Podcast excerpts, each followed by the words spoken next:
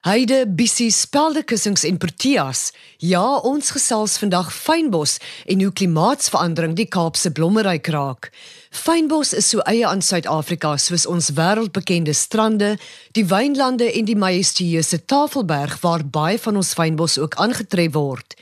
Die Kaapse blommeryk is die kleinste van die 6 in die wêreld, maar die rykste en ook een van Suid-Afrika se 6 wêrelderfenisgebiede. Fynbos maak sowat 80% uit van die sowat 8700 plantspesies wat in ons land voorkom. Die fynboswêreld strek van Clan William in die weste tot Port Elizabeth in die ooste.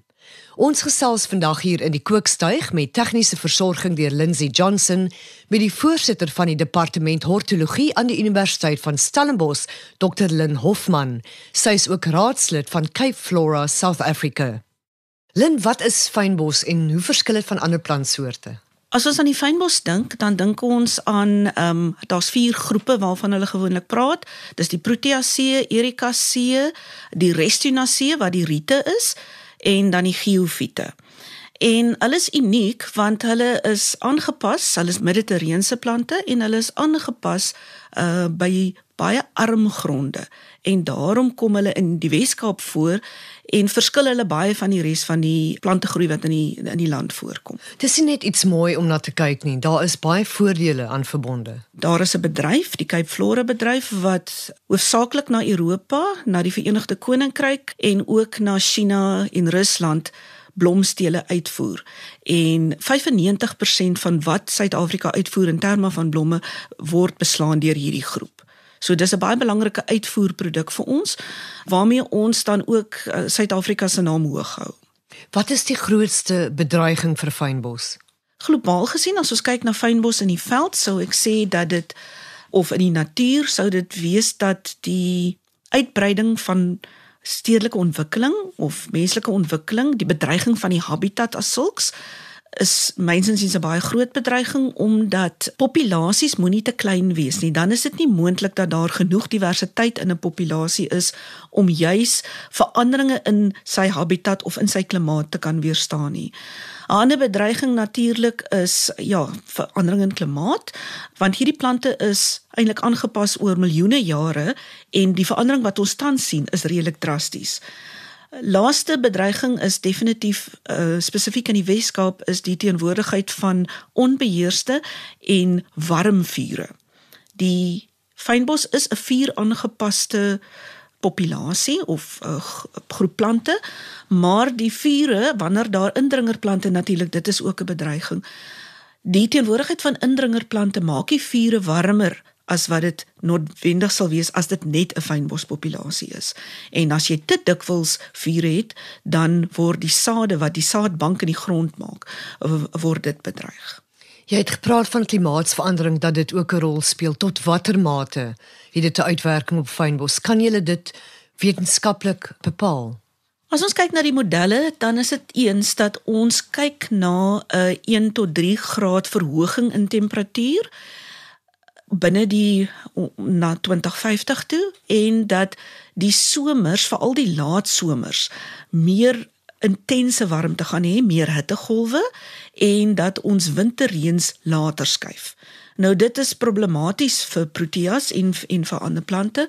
En ons het 'n interessante studie gedoen waar ons klimaatsverandering gesimuleer het deur um, infrarooi lampe bokant plante te hang en 'n temperatuurgradiënt te skep waar aan die een kant van die gradiënt dit die gewone temperatuur is wat dit vandag is aan die ander kant van die gradiënt is dit 3 grade warmer en dan het ons plante op 'n eksperimentele wyse daar geplaas. Die bevindinge was dat vegetatiewe groei word bevoordeel eintlik. So plante um, onder hierdie verhoogde hitteomstandighede was meer geneig om te groei as om te blom en dan die blomtyd was nader. Nie noodwendig my proteas nie omdat die kultivars waarmee ons werk is nie afhanklik van bestuivers nie, maar in die natuur moet die bestuiver en die blom ook gesinkroniseer wees. En wanneer dit nie gebeur nie, wanneer die een op 'n ander sein reageer, een reageer op temperatuur, ander byvoorbeeld op daglengte, dan kry ons dat daar nie 'n bestuiver is wat gesinkroniseer is met blomtyd nie. Wat is julle langtermyn vooruitsigte wat fynbos en klimaatsverandering betref? Ons ehm um, weet dat ons sal moet kyk na die beskikbaarheid van waterbronne. hoewel proteas as jy nou net na protea kyk as jy nou vir jou enetjie koop vandag en jy bekyk dit daar op jou lesenaar waar jy sit, dan sal jy sien dat proteas het het um haartjies op die blaar, daar's 'n waslaagie, die stomata, die huidmondjies is ingesonke, is meer aan die onderkant. Daar is baie aanpassings wat uniek is vir protea en wat dit hulle in staat stel om hoë temperature te hanteer. Maar ons in die verlede sou ek dink dat die persepsie was daar dat jy op marginale grond proteas kan verbou, maar net soos enige ander hortologiese gewas, moet jy voorsiening maak dat as jy kwaliteit produk wil oes, moet jy die korrekte verbouingspraktyke nakom. Lin, watse aanpassings kan boere en produsente maak om hulle fynbosboerderye teen klimaatsverandering te beskerm? Ons kan eintlik baie leer in terme van aanpassings. Ek dink ons het sommer baie, laat ek dit so omstel, sommer baie geleer hierdie seisoen, die laaste 3 jaar wat ons 'n geweldige droogte in die Weskaap beleef het.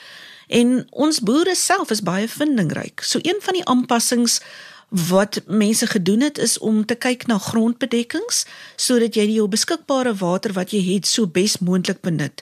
Grondbedekkings dan praat ek na Engels verwys ons na mulching waar jy dan of matte, 'n gewefte matte neersit wat die voginhoud van die grond beskerm en ook die biologiese komponent in dit wat vir jou plante help om 'n gesonder wortelstelsel te hê.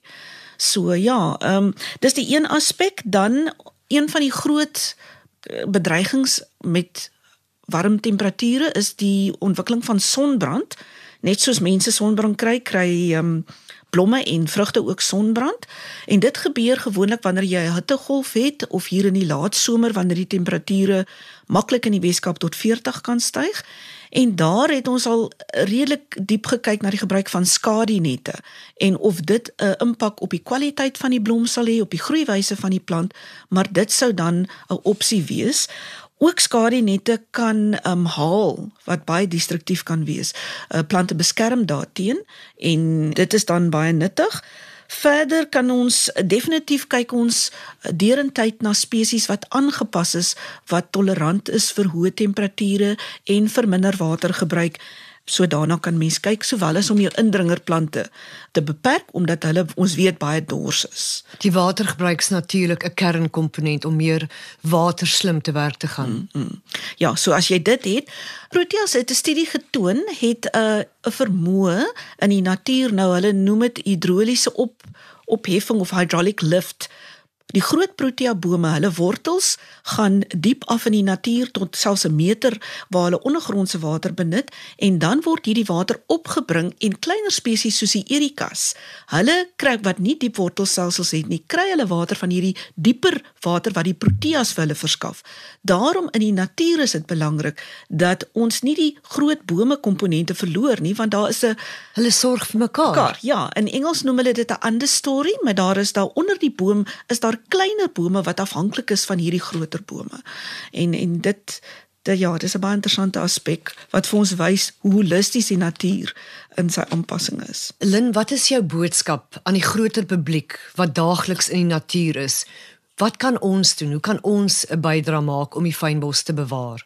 Ek dink 'n bewusmaking is die eerste vertrekpunt. Ons moet weet wat ons hier het is totaal uniek amper nêrens in die wêreld is daar sulke groot diversiteit nie of het jy die voorreg om ehm um, Salaris pas op te ry en Proteas wat ander mense in Europa aansienlike som geld voorberei is om te betaal en ons het dit verniet. So 'n bewusmaking van die groot skat wat ons het, maar ook hoe broos dit is omdat dit afhanklik is van 'n ekosisteem waarvan ons almal deel vorm. Meer as 60% van die wêreld se fynbos kom net in Suid-Afrika voor. Soos dokter Hofman vandag benadruk het, moet alles moontliks gedoen word om ons Kaapse blommeryk te bewaar. Ons moet ook nie vergeet van die medisinale waarde en ander funksies van fynbos nie. Byvoorbeeld, wille knoffel hou glo molle en slange uit die tuin en boegoe is goed as jy te diep in die bottel gekyk het. En as mens net dink aan die protea, een van die oudste blommefamilies op aarde wat sowat 300 miljoen jaar terug dateer, Die koningsprotea, ons nasionale blom, en proteas in die algemeen simboliseer diversiteit en dapperheid.